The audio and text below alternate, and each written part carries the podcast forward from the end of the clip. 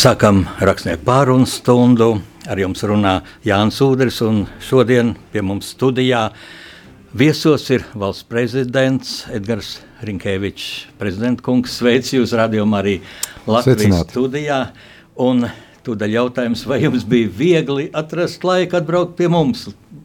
Pieņem, ka nē, jo Es, kad runāju ar jūsu mediju centru, jūtu, tur cilvēki ļoti precīzi strādā, bet viņiem bija grūti atrast, izbrīvot šo laiku.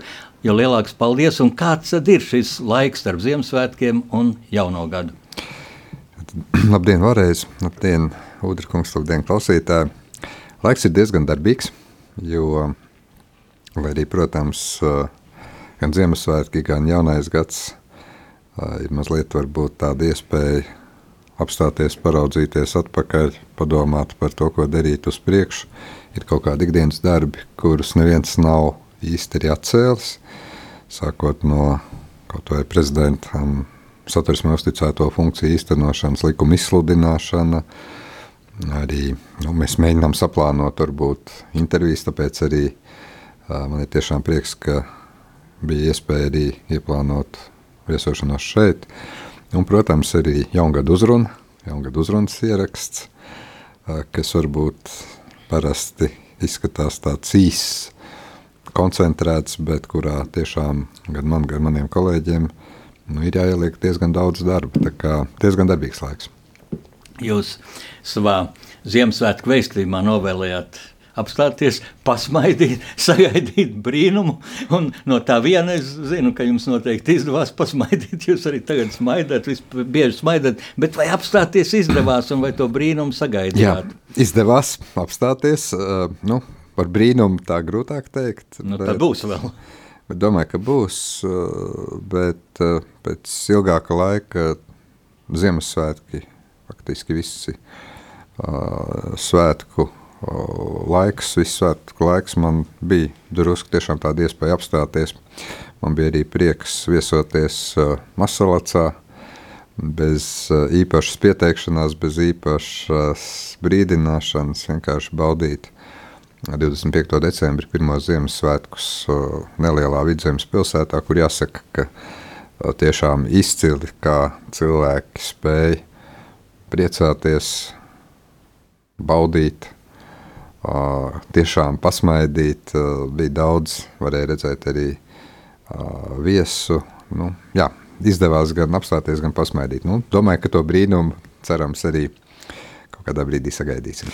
Bet es tā pieņemu, ka šajā apstāšanās brīdī jūs arī pavērtējāt un ar sevi tā domās, tā teicāt, no Edgars pusgads ir pagājis šajā amatā. Kādu, kādu atzīmi jūs sev likt? Es domāju, pēc piecas balvu sistēmas, jo manuprāt, kad jūs beidzāt vidusskolu, vēl bija piecas balvas. Nē, tieši man bija pārējais periods Oho. no piecām uz desmit, bet ziniet, es diezgan stingri no paša sākuma esmu teicis visiem žurnālistiem, kas man ik pa brītiņam aicina vērtēt, nu kā jūs vērtējat valdības darbu, tur 5, 10 vienalga kādā uh, bāļu sistēmā, vai kā jūs vērtējat to vai citu politiķi vai, vai to vai citu institūciju, ka es atzīmes neizlikšu.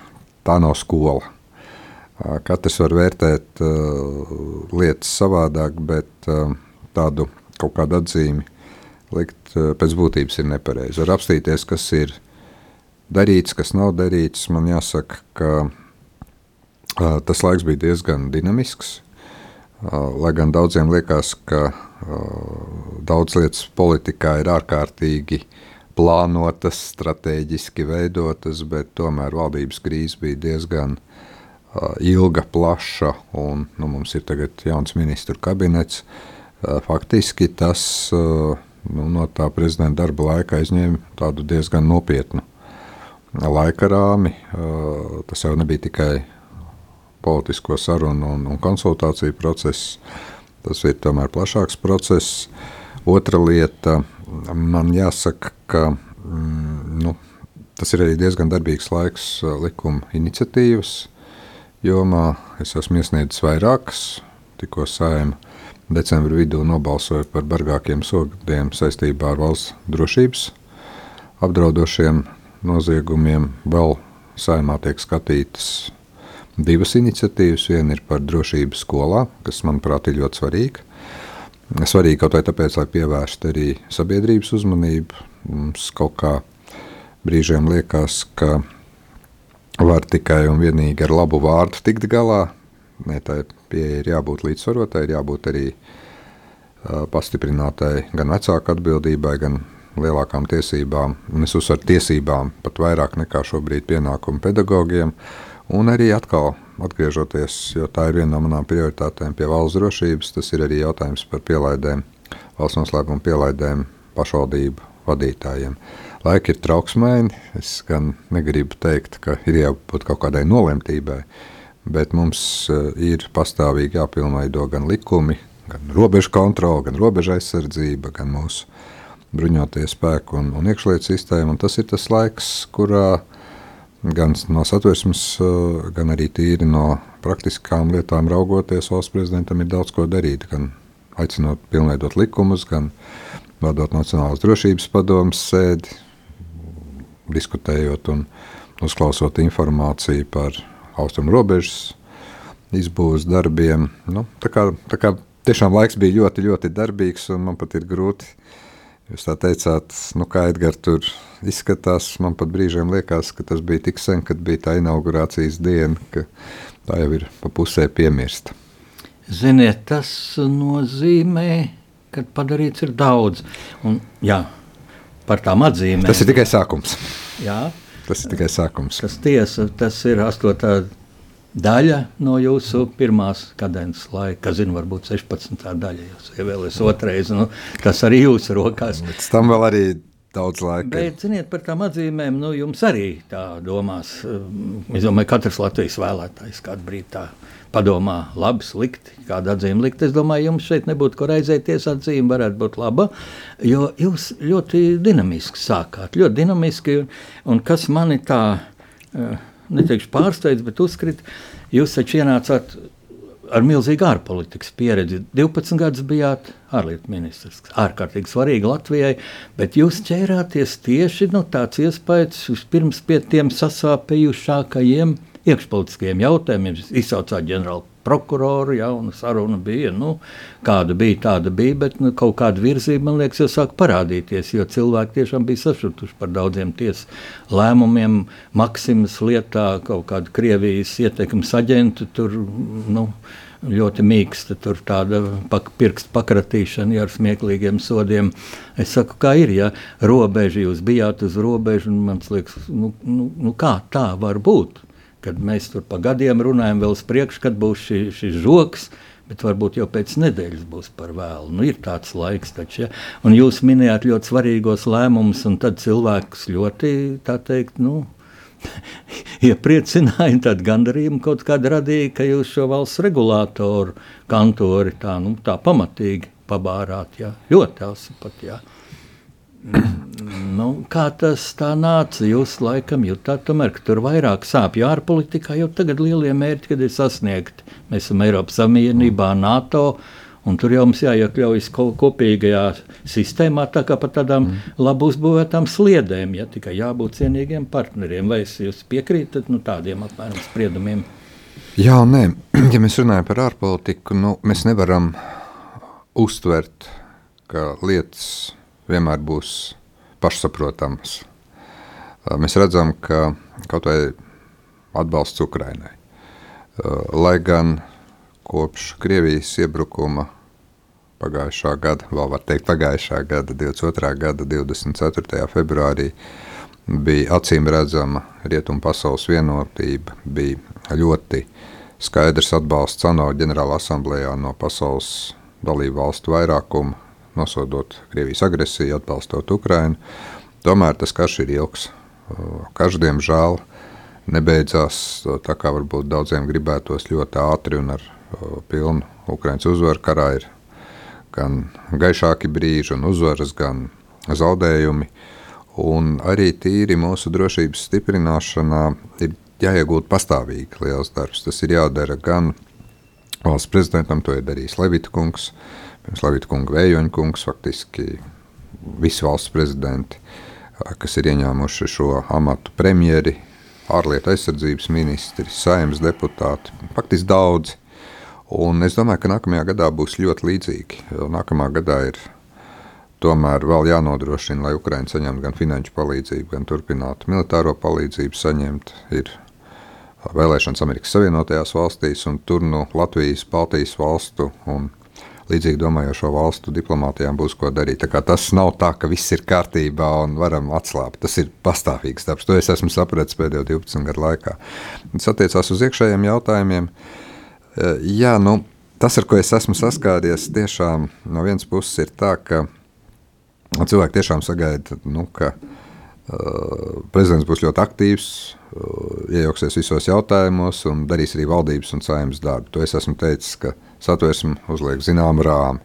Satversme neaizliedz prezidentam klusēt, satversme neaizliedz prezidentam izteikties par jautājumiem, aicināt, mudināt, dažreiz arī pateikt kādu kritisku vārdu. Varbūt arī tādos jautājumos, kur citas varas, kā izpildvara un likumdevēja vara, nu, ievērojot zināmu varu līdzsvaru principu, kautrējās pateikt, bet jā, mums bija Jēkabils traģēdijas stāsts, Man tiešām jāsaka, ka iepriekšējā valdība premjera Kariņa vadībā ieklausījās manā aicinājumā un spēra ļoti, manuprāt, simbolisku morālu žestu, izmaksājot kompensācijas Jākapils traģēdijas, traģēdijas upuru ģimenes locekļiem, bet tajā pašā laikā mēs redzam, ka ir kaut kādas lietas, kur ir, manuprāt, pozitīvas pārmaiņas tiesvarā. Tiesvara mums ir neatkarīga, to neviens neapšauba, bet tiesvarai ir pirmkārt jāspēj izskaidrot savi spriedumi.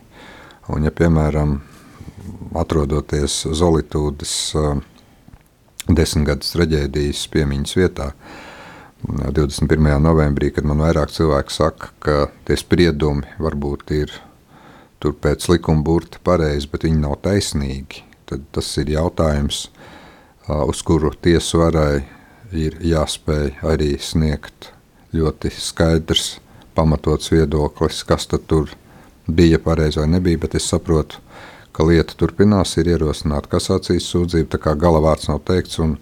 Tas tiešām paliek tiesvaras ziņā neatkarīgi izspriest šo lietu, bet jāsaprot, ka jebkurš lēmums ir jāskaidro un jāpamato. Un jāpamato varbūt ne tādā sausi juridiskā, bet arī cilvēkiem saprotamā valodā. Ir kaut kādi labi piemēri, kur tiešām lietas mainās uz labo pusi, bet ir arī lietas, kuras turpināšu runāt un aicināt tiesu varu tomēr skatīties uz jautājumiem gan no drošības viedokļa, gan saprast, ka tur ārā nav 2013. gads, bet, diemžēl, 2023. vai pavisam drīz 2024. gads, ka nacionālās drošības jomā apkarojot spiegošanu, kaut kāda veida naida runu, vienalga kam tā ir adresēta, ka tur tomēr likums dod pietiekamas iespējas, tās nav bieži vien likuma vainas, bet tās ir tiesnešu, prokuroru izpratnes par lietām, un šeit vēl mēs netuvu nesam tikuši ārā no, no tādas varbūt, es teiktu, miera laika attieksmes, bet uh, Es eh, nekad nejaukšos konkrētu lietu izskatīšanā, bet eh, mudināšu un aicināšu tiesu vāru skaidrot, saprast, varbūt, kas ir lietas, kas ir grozāmas likumos. Starp citu, tie pirmie likuma grozījumi, ko es pieminēju, lielā mērā tap arī pēc diskusijām ar augstākās tiesas priekšstādātāju ģenerālu prokuroru, kad es sapratu, ka tomēr ir kaut kur arī jāpieprecizē gan tie zemākie sodu sliekšņi, gan vēl tur jāizņem varbūt kaut kādi maigāki sodi par ļoti bīstamiem noziegumiem. Nu, par tiem regulatoriem un vispārējo tieši tas pats. Nu, viss, ko es esmu teicis kritiski, to es varu atkārtot. Labā ziņa ir, ka tomēr ir uh, sakārtotāka sistēma šobrīd, kā atbalstīt cilvēkus, kuriem rēķina samaksāšana ir problēma, bet tiem, kam tā nav problēma, nu, tiem būs nedaudz lielāka rēķina, jo ir stājušies spēkā jauni likumi, ko ir pieņēmusi sēma burtiski pirms dažām nedēļām. Uh, Bet mums ir ļoti daudz tiešām lietas, kur, eh, jā, kā es teicu, es nevaru dot norādījumus ne valdībai, ne saimai, bet pateikt, kas man nepatīk, un aicināt un mudināt ministrus, premjerus, saimnes deputātus darīt savādāk. Tas ir tas, ko es arī darīšu. Jā, man nāk prātā kāda sena man intervija ar Vairvīķu Freibergu valsts prezidenti, eh, kad es viņai teicu, nu, Daudz ir tādā pārliecībā, un arī mēdīji dažkārt daži to izplata, ka nu, prezidentam jau nekādas tiesības nav tikai teikt, reprezentēt valsti. Un, tā, un patiešām satversmē ir teikt, prezidents ar to, to, to, un tas uzskaitījums ir mazs. Ja? Un tad atbilde no viedās vairs Vīts Freibergs bija tāda, bet nekur jau nav teikts, ka viņš nedrīkst darīt vairāk. Man ir tādies, tāds iespējas, ne iespējas pārliecība no faktiem izējot, ka jūs uh, tieši ejat šo ceļu, ka jūs darat, jo, jo nav jau teikts, ka prezidents nevar to, to, to. Ja negribēs darīt, tad jā, tas nav man teikts.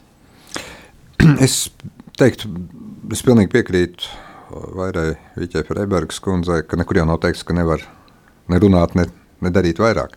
Bet uh, kur gan ir tā bīstamība, kas dažreiz ir jāatcerās, ka Katram ir jādara savs darbs. Un, uh, bieži vien jau tā situācija ir tāda, ka mm, kaut kādu iemeslu dēļ, vai nu tā ir politiskā konjunktūra, kaut kāda politiskā situācija, varbūt vienkārši nav izpratne, nu ne visi jautājumi tiek uh, pietiekami ātri aktualizēti un, un, un risināti, bet uh, es tiešām uh, ļoti daudz esmu pētījis un mācījies no faktiski visiem priekštečiem. Šajā amatā es ļoti labi saprotu, tagad daudz labāk saprotu nekā varbūt pirms 8. jūlija, pirms tās inaugurācijas dienas, kādi ir tie nu, gan uh, ierobežojumi prezidentam, gan uh, tas, ko no viņa sagaida, gan arī tas, ko viņš var īstenībā darīt. Un tā bieži vien uh, ir gan māksla, gan, gan arods, gan mazliet arī zinātne, kā to visu sakombinēt. Es tiešām esmu daudz mācījies uh, no visiem prezidentiem. Faktiski sākot no Jāņa Čakstas, esmu lasījis vienu otru runu, vienu otru mm, aprakstu. Pats esmu bijis savu laiku prezidenta kancelejas vadītājs, bet es labi zinu, ka, un es to esmu bieži teicis, ka, ja kāds domā, ka nu, tagad ir ir ieradies jauns laimes lācis ciemā, un nu, tagad būs visiem laime. Nu, tā diemžēl nebūs. Ir ļoti daudz lietas, kas var tikt padarītas pašu cilvēku ikdienas dzīvē, pašvaldību dzīvē, arī valsts dzīvē, bet, uh, bet nu, tur, kur būs iespēja kaut ko mainīt, tur es arī būšu klāt. Cik interesants tā pieeja, ka jūs, māt, jūs minat jau sakot ar prezidentu Čaksti, un, un es arī, kad, jau kad jūs ievēlējāt, Es tā paskatījos, nu, es esmu vēsturiski romāna autors. Es Jā, paskatījos zinu. jūs, jūs visu iepriekšējo desmit prezidentu kontekstā. Jūs esat 11. kaut kā simboliski, jūs sākat tādu jaunu desmitnieku. Un es eh, konstatēju vienu ļoti lielu priekšrocību jums, kas vēl nu, nevienam citam nav bijis. Čakstam pat nav bijusi. Ja? Bija domas deputāts Zariskajā Krievijā, bet jūs esat, jums ir milzīga pieredze valsts administrācijas darbā, ja kad jūs bijāt 11 gadus ja, ār, eh, aizsardzības ministrijā valsts eh, sekretārs. Un, eh, kas ir interesanti, šis politiskais amats ministrs nāca un gāja, ja, un tur bija veiksmīgāk, neveiksmīgāk, nu, dažādi, kā, kā tā politiskā konjunktūra izveidojās. Ja. Bet uh, Jūs nodrošināt mm, pēctecību, ja? un, un tas ir tas, mm, kā ļoti pietrūkst daudzās citās ministrijās. Tagad arī, nu, piemēram, izglītības ministrijā, kā nāk jauns ministrs, gudro kaut jaunu koncepciju, un, un piedodiet, bet taču vajag pēctecību tiem, tiem skolotājiem, tiem, tiem vienkāršiem darba rūķiem, taču vajag, vajag nu, kā ir iesākuši tā strādāt, nu, un ja kaut kas, nu, tad uzlabot, ja, bet nevis gudrot jaunu velosipēdu. Vai, vai es tā teiktu, kaut ko pateicu, kas nav prezidentam pieņemams? Nē, tas ir ļoti interesants jautājums, ko jūs aizskārāt. Jā. Jo tā nu bija veidojies, ka 90. gados, 2000. gadu sākumā, mums bija, kā jūs arī teicāt, sākumā divi lieli mērķi iestāties Eiropas Savienībā un NATO. Un divas ministrijas bija ļoti būtiskas - ārlietu un aizsardzības. Faktiski viņas arī veidojās no nulles tad, kad mēs atjaunojam savu neatkarību. Mums bija tur kaut kāda okupācijas laika Latvijas PSR ārlietu ministrija, tā kā tāda, nu, PSRS ārlietu ministrijas filiāli, bet, nu, faktiski ārlietu ministrija veidojās no nulles, aizsardzības ministrija veidojās no nulles, bet bija arī divi ļoti svarīgi uzdevumi. Izdarīt visu, lai mēs iestātos Eiropas Savienībā un NATO, un tas tiešām bija milzīgs tā laika politiķu, ierēģu, karavīru, diplomātu panākums. Un atkal, tagad liekas, mēs nākamgad svinēsim 20 gadus kopš esam šajās organizācijās, tas gandrīz vai viss bija tā ļoti noteikts. Nē, tur bija, tur bija ļoti daudz dažādu jautājumu, bet arī tad, tajā brīdī bija tāda kopīga mērķa izpratne, lai kādas būtu politiskās vēsmas, lai kādi politiķi mainītos, tomēr bija sazobes starp politiķiem, ierēģiem, bruņotajiem spēkiem, diplomātsko dienestu, un viss strādāja kopā. Kaut kas pa šiem gadiem drusku tai valsts pārvaldē ir pamainījies un pazudis. Kaut kur, nu, ja ir kāds panākums, tad parasti tas ir politiķa panākums. Ja ir kaut kādas problēmas, tad vienmēr tiek vainot ierēģi. Mainība gan augstākā ierēdniecībā, gan daudz kur valsts pārvaldē ir diezgan strauja. No vienas puses mēs gribam, lai būtu atbildība, no otras puses mēs redzam, ka bieži vien notiek vienkārši tāds atbildības futbols, un tieši tāpēc arī neviens vairs negrib uzņemties atbildību par kaut kādiem konkrētiem lēmumiem. Un, Un šis tas ir diemžēl pasliktinājies. Nu, ja tā paskatās, es negribu tagad izklausīties kā jau tāds pavisam vecs cilvēks, kas saka, nu, kad mēs augām, tad gan bija labāk. Bet kaut kas ir pamainījies un ne uz to labo pusi. It kā ir ļoti daudz procedūras, varbūt pirms 20, 30 gadiem lēmumi tika pieņemti ātrāk, bez noteiktām procedūrām, bet uh, viņi arī tika pieņemti viens otru īpaši nevainoja un centās kaut kādas kļūdas labot un iet tālāk.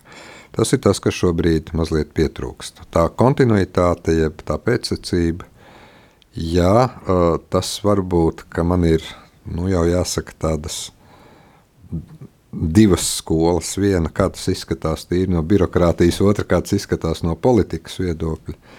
Man iedod zinām izpratni par to, kāpēc viens otrs lēmums tiek pieņemts vai netiek pieņemts, kā viņi varētu ietekmēt Bet kopumā, un to es esmu teicis arī vairākās intervijās, atkārtošu šeit, nu, nākamā gada uzdevumi mums visiem kopā un valdībai, jo īpaši ir tomēr kaut kur samazināt to birokrātijas slogu. Pie tam visur, sākot no dokumentu aprits un nemitīgās saskaņošanas augstākajā līmenī, līdz pat uh, konkrētu cilvēku, konkrētu jautājumu risināšanai dažādās iestādēs, no kontrolējošām līdz atbalstošām. Uh, Vai tā būtu uzņēmējdarbība, vai sociālajie pakalpojumi, vai kas cits. Un šeit, ja nemainīsies vispārēji izpratne un kultūra visā valsts pārvaldē, ka nevis meklējam nemitīgi vainīgos, bet mēģinām novērst kļūdu un, un iet uz priekšu, tad, tad būs bēdīgi. Un, nu, tā ir tā pieredze, ko es mēģinu tagad sarunās gan ar jaunām ministru kabineta locekļiem, gan citiem uh, politiķiem, arī valsts amatpersonām no neatkarīgām institūcijām nodot un aicināt tomēr būt elastīgākiem un vairāk uz mērķi rezultātu, nevis procesu orientētiem. Nu, šeit tikai ir viena aicināšana, un prezidenta pilnvarām gan ir par maz. Tā nu ir jāstrādā visiem, gan valdībai, gan sējumai, gan ierēdniecībai, visiem kopā. Te redz apstiprinās tas, ko es tā teorētiski izdomājis, nu, ar tādu bagāžu, ja ierēdniecībā, valsts administrācijā un nu, arī politiskā amatā, ministra amatā, šī milzīgā pieredze, samēr liels, es teiktu, handikap, handikaps jums ir, ja varbūt tas arī ļauj tā dinamiski un, un faktiski efektīgi darboties šo pusgadu. Sagaidīsim, kad nu, būs vairāk tas termiņš pusē, tad, tad varēsim spriest, jo es arī esmu ļoti uzmanīgs. Paldies, protams, par labiem vārdiem, bet uh, Es pilnīgi noteikti negribu zaudēt to saķeri ar zemi. Labāk, lai slavē tad, kad termiņi būs beigušies un, un, un lietas nodotas citiem, un tad varēs vērtēt, kas bija, kas nebija. sa, sa, saķer ar zemi, tas labi teikts, jo, jo nu, es to uztveru arī kā cilvēks fiziski jūtas, man liekas, jūs tādā labā formā, sportisks un, un var redzēt uh, internetā, jūs ar velospēdu braucat un, un, un tā. Un man vienu brīdi, nu, tāds jauneklīgs. Un vienu brīdi man radās pārliecība, tas ir jaunākais prezidents šajā Latvijas vēsturē. Nē, Kviesis bija jaunāks. Jā, bet, Kviesis un Vējons īstenībā stājās amatos. Vējons tad, kad, jā, stājās tad, kad amatā, bija mazāk gadu. Bet, nu, Vējonim jā, bija ar veselības problēmas, bet jūs jā, nu, jūs nebraucat ar liftu, jūs kāpjat kājām. Un, un tā, bet uh, interesanti par šo tādu nu, publisko tēlu, kas jums ir izveidojies ļoti simpātisks un, un ar pašu sākumu. Nu, Mēdīte tā ļoti akcentēja dziesmu svētkus, bet ļoti labā laikā jūs stājāties amatā. Ja es domāju, tas arī tād, tād, jums deva tādu pacēlumu. Un jūs Eh, fotografēties selfijam, tur ir jaunām meitenēm. Jūs braucat uz krāslu laikam un paspiežat kaķītim ķepiņu. Tas viss ļoti saprotams, bet nu, mediji kaut ko jau meklē, kaut ko paurķēties. Un, nu, viņš taisa tādu, nu, tādu sev reklāmu. E, tā ir viena versija, e, kurai es negribu piekrist. Man liekas, tas cilvēks dara ļoti pareizi. Kā viņš dzīvojas līdz šim, tā viņš dzīvo joprojām, lai kāds tas amats būtu, jo tā tomēr ir vieglāk, ja nevis kaut kā uzreiz es tur esmu savādāks, es ceļu degunu gaisā un tā. Kam ir taisnība? Mēdījiem jau arī varētu būt savu taisnību. Ziniet, mēdīji dara vienu labu darbu, viņi pa brītiņam ar kaut kādiem jautājumiem, ar kaut kādām kritiskām piezīmēm. Arī cilvēki, teiksim, sociālos tīklos eh, arī ļauj nepazaudēt to saķeri ar zemi, ko es teicu. Bet tur, kur es jums pilnīgi piekrītu, es tiešām ļoti neesmu mainījis tos paradumus, kādi man ir bijuši. Tostarp arī šo to ieliekot tur Instagram, Facebook vai bijušajā Twitterī, tagad Iksā. Tas nu viens. Otra lieta. Es tomēr gribētu teikt tā, ka man dažreiz tiešām tā uzjautrina tās lietas. Jūs teicāt, nu, tur ārpolitiskā pieredze un tik ļoti daudz tur braukā apkārt vai tur izsakās par iekšpolitiku. Es atceros to brīdi, kad bija tās trīs nedēļas pirms vēlēšanām, nu, kad daudz teica, nu, viņš jau no, no iekšējām lietām neko nesaprot, tur, tur nebūs aktīvs, lai brauc vairāk pa novadiem. Es teicu, ka es centīšos maksimāli īsā laikā, nu, mans plāns ir tagad līdz 2024. gada beigām apbraukt Latvijas novads un pilsētas. Tad būs pauze pusgadu, tāpēc, ka būs pašvaldību vēlēšanas, un es apzināti ieturēšu absolūtu neutralitāti, nedošos nevienā reģionālā vizītē. Tikties ar cilvēkiem, tikties gan ar pašvaldību vadītājiem, deputātiem, uzņēmējiem, cilvēkiem arī kultūras namos, izrunāties. Un tad pēkšņi sākās kritika, bet viņš pa daudz tur, tur braukā, un, un kāpēc viņš nesēž pilī un tur gudri nerunā. Labi, nekad nebūs. Visiem, Labi, nekad jā. nebūs, un tāpēc arī, tāpēc arī ļoti vienkārši lieta. Ir jādara tas, ko tu uzskati par pareizu.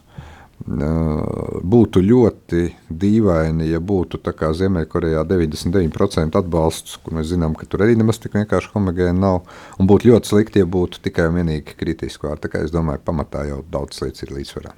Mums vēl dažas minūtes atlikušas, es nevaru nepavaicāt, uh, par Ukrajinu. Daudz cilvēku saka, kā tur būs, kā tur būs. Un, un tiešām situācija satraucoša to, ka mazinās rietumu, rietumu valstu izpratne pat un reālais atbalsts. Jūs bijāt Ukrajinā, tikāties ar Zeļenski. Kā jūs īsi varētu pateikt, kā jūs jūtat šo nākotni? Es saprotu to, ka varbūt bija kāds brīdis, kur likās, arī bija tiešām uzvaras 2022 otrā gadā. Sākumā neviens neticēja, ka Ukraina izturēs. Ukraina ne tikai izturēja, Ukraina sāka atbrīvot teritoriju. Bet jau tad uh, es labi atceros gan daudzus analītiķus, gan arī es brīdināju, ka karš jau būs ilgs. Tas prasa izturību, tas prasa izturību no visiem arī atbalstītājiem. Un jā, demokrātiskās valstīs lēmumi netiek pieņemti tā vienkārši. Bieži vien ir diskusijas, vai mēs darām pareizi vai kaut ko darīt savādāk. Es esmu diezgan liels optimists.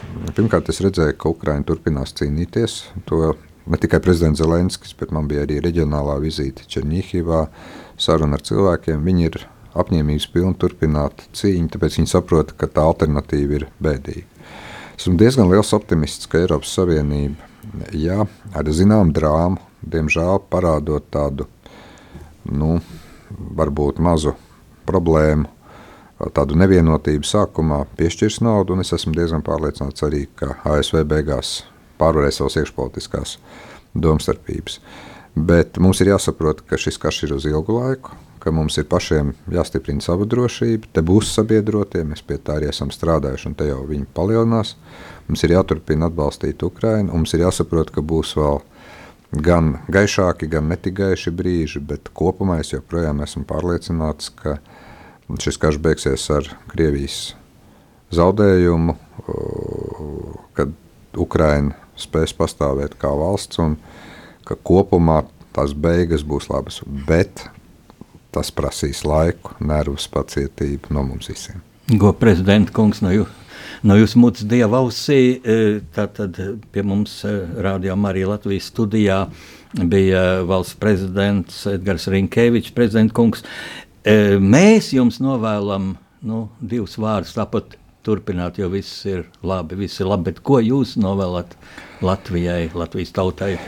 Nu, pirmkārt, tas jau būs manā jaungada uzrunā, bet tas, ko es gribētu novēlēt gan radio klausītājiem, gan visiem Latvijas cilvēkiem, pirmkārt, uh, es teiktu tā, uh, tiešām tie laiki ir sarežģīti, bet uh, ir lietas, par kurām tomēr mums vajadzētu visiem atcerēties. Mums ir pašiem sava valsts. Uh, tie lēmumi, ko mēs pieņemam, ir mūsu pašu lēmumi. Es katram, gan klausītājiem, gan Latvijas iedzīvotājiem novēlu tomēr sapņot, iedomāties kādu mērķi, ko sasniegt, un izdarīt visu, lai šo mērķi sasniegtu. Un ja katrs no mums piepilda kādu sapni un sasniedz kādu mērķi, tad es esmu pilnīgi pārliecināts, ka arī mums visiem, mūsu valstī, klāsies labāk. Tā kā nebaidieties sapņot, darīt, riskēt, dažreiz kļūdīties, kļūdas labot un iet uz priekšu. Paldies, prezidenta kungs. Tas bija valsts prezidents Edgars Rinkevičs. Dievs sveitī Latviju!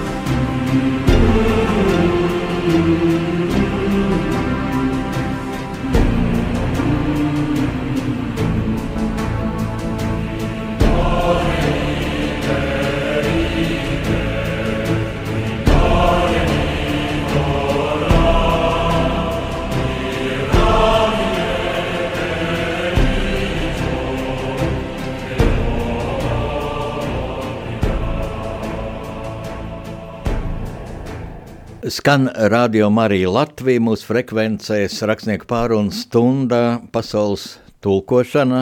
Mīļie klausītāji, tikko jūs dzirdējāt sarunu ar valsts prezidentu Edgars Rinkēviču, un tas bija mm, 28. decembra tiešraides atkārtojums ierakstā.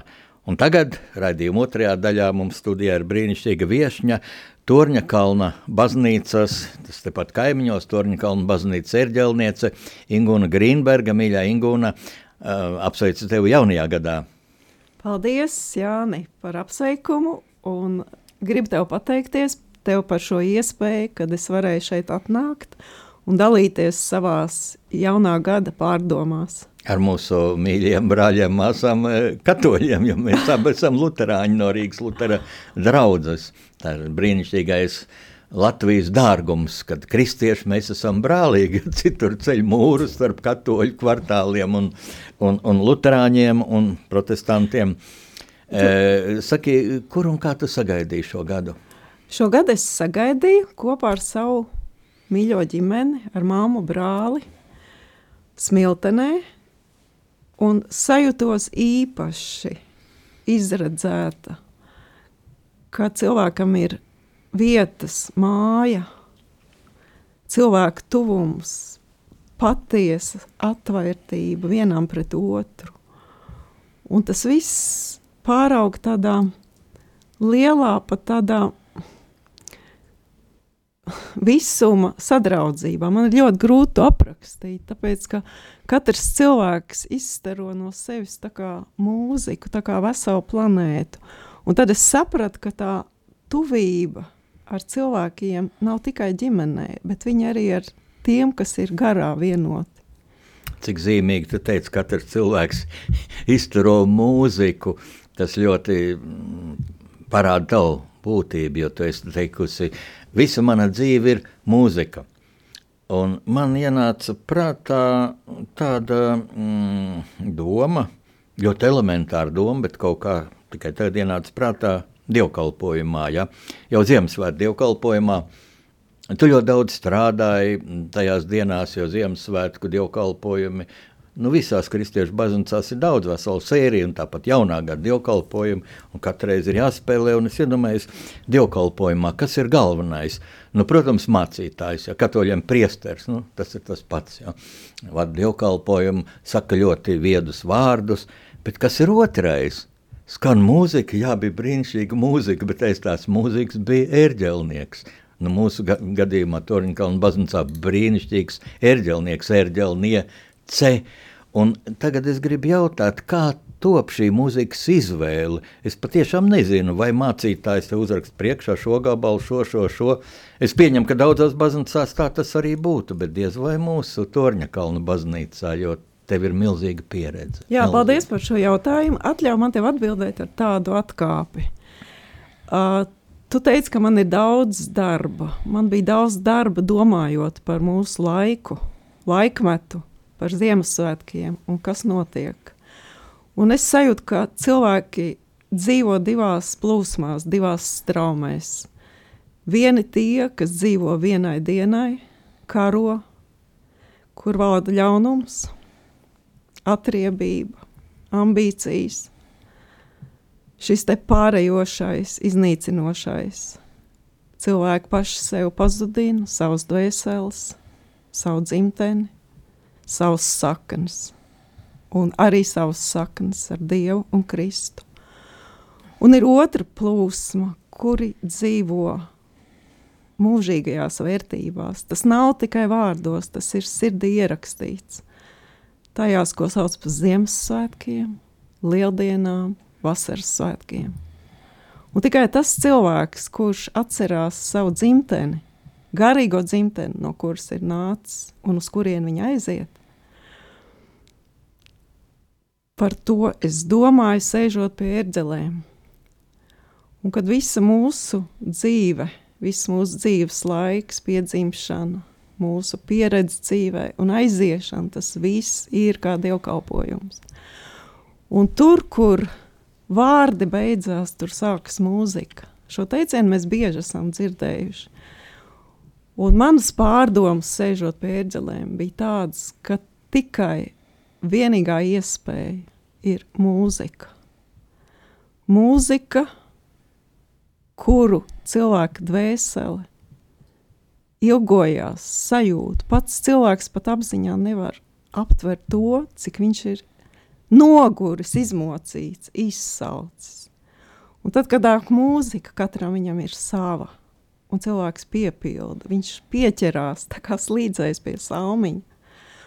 Un tad visas emocijas, viss tas, kas ir pārējošs, tiek aizslaucīts, aizskalots.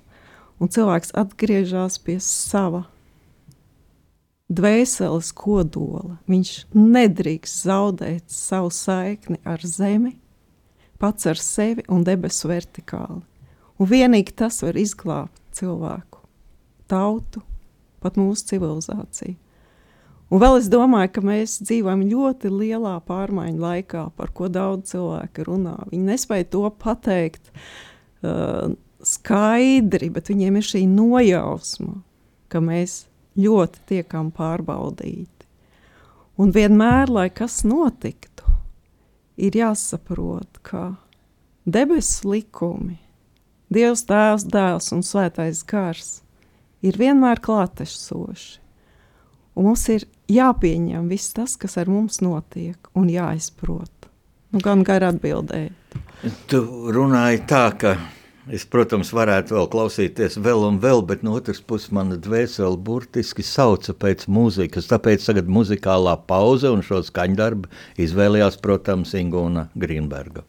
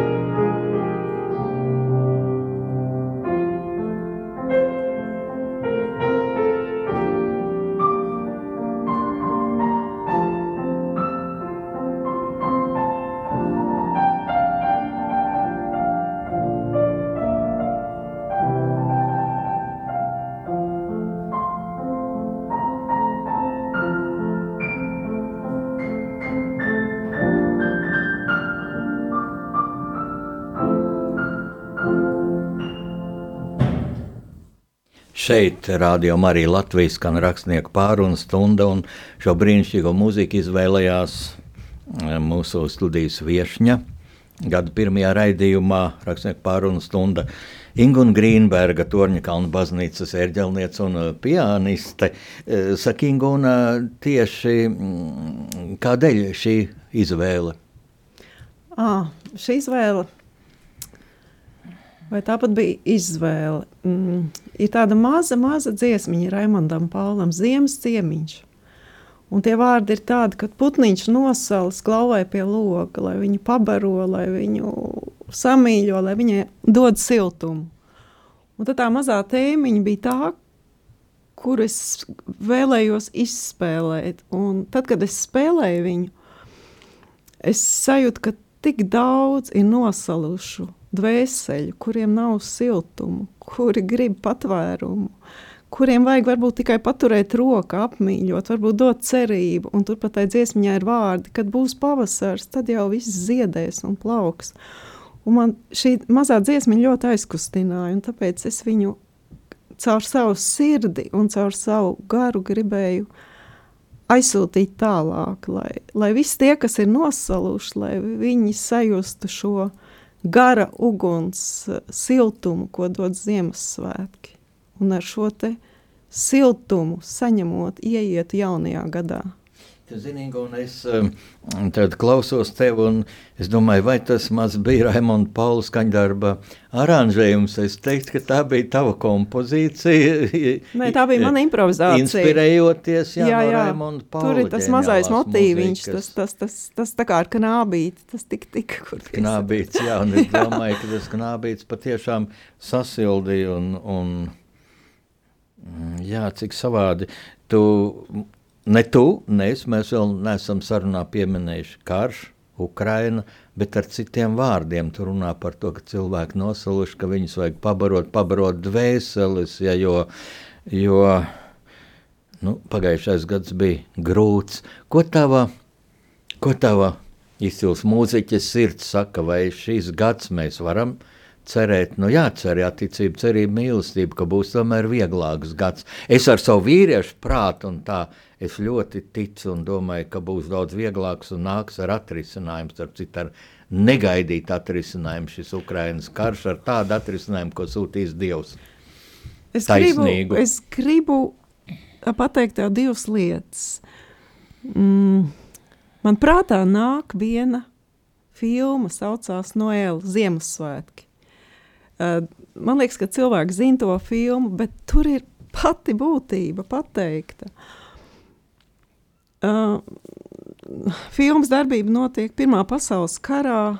Frontes ierakumos, uh, tu noteikti zini to filmu. Mēs viņu, Mēs viņu kopā, kopā skatījāmies. Jā, Splendid palats. Jā, jā, jā, jā. Tātad franči, vācieši, krievi, kas, kas vēl bija palīdz. Angļi, angļi, angļi jā. bija citā frontē. Un ir Ziemassvētki. Un visiem ir tāda nepiepildīta sajūta, tādas dvēseles ilgas. Un pēkšņi kāds sāk dziedāt Ziemassvētku dziesmu. Tas vācu operas dziedājums, slavenais, kas jā. uz fronta aizsūtīts propaganda taisīt. Un kas notiek ar cilvēkiem? Pēkšņi viens paceļ uh, acis, atnes savu dzeramo, savu maizīti.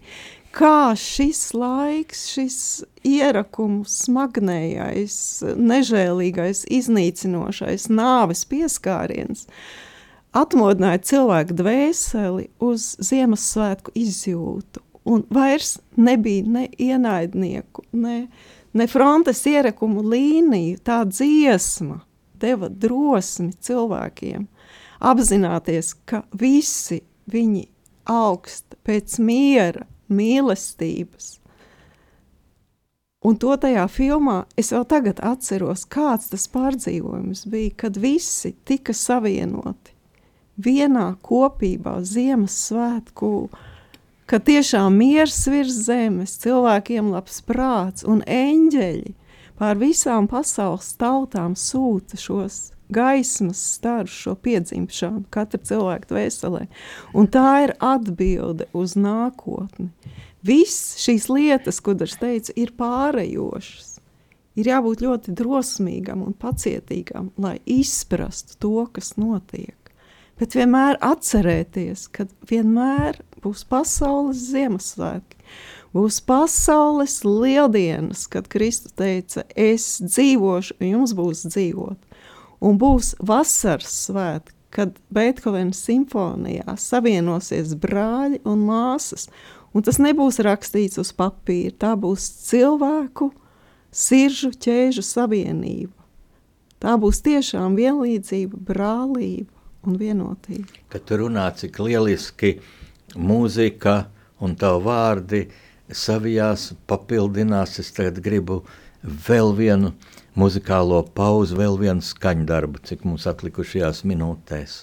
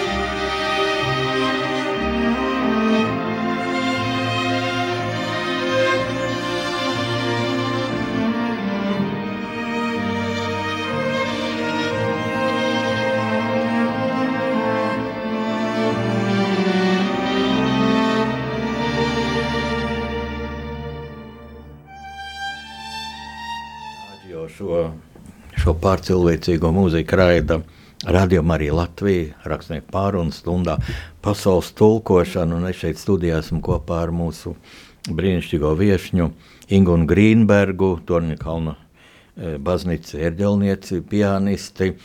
Šo skaņdarbu arī izvēlējās Inguna, un man ļoti gribējās sākt ar ko skaistu šo jauno gadu. Pirmā rakstnieka pārunu stunda skan šodien.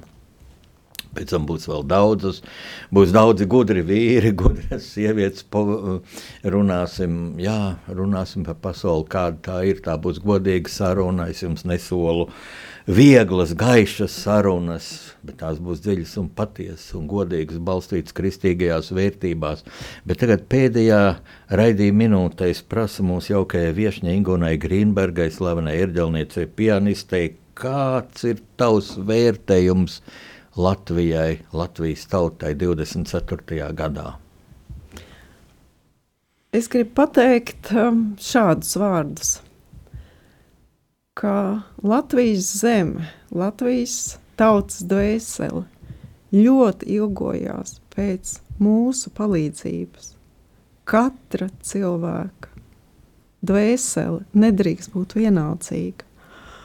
Un parasti cilvēki saka, nu es neko nevaru darīt. Ak, Dievs, cik daudz mēs varam darīt ar lūkšanu, ar dziesmām, ar gaišām domām, ar to spēcināt Latviju un būt vienotiem ne tikai vārdiski mīlestībā, bet reāli katru rītu lūdzot par Latviju, katru vakaru aizejot gulēt, lai tumsa pārtop gaismā, lai tas, kas apņem nāvi, lai ir augšām celšanās un dzīvība. Un mums ir jāaiziet šis moku ceļš un jābūt ļoti, ļoti svētītiem ar to, ka no ciešanām rodas kodols nākotnē. Un paldies Jāni par tavu grāmatu, par Jāni Vītiņu operu dziedātāju. Domā, Belkanto Ešafotēnā jaunāko grāmatu. Jā, tieši tā. Un tas, ko tu radīji šo latviešu upuri, varoni, mūziķi, kā tēlu, tas, lai caurstrāvo, inspirē arī mūs šajā dienā, šajā laikā, šajā nākošā gadā. Jo arī tie, kas dzīvo tajā, kur ir aizgājuši, tajā sfērā, viņi dos spēku, iedvesmu un nekad mums nepadoties, un nekad nesiet vienaldzīgi. Un lai mīlestība būtu reāls uguns liesmas katra cilvēka dvēselē, lai gaišas domas mēs varam visi būt kopā. Un meklējiet spēku mūzikā, jo patiešām, tad, kad vairs nav ko teikt, tad ejiet mūzikas pasaulē, jo tas ir mūsu pirmsākums. Mēs atceramies, kas mēs kādreiz bijām savā dvēselē.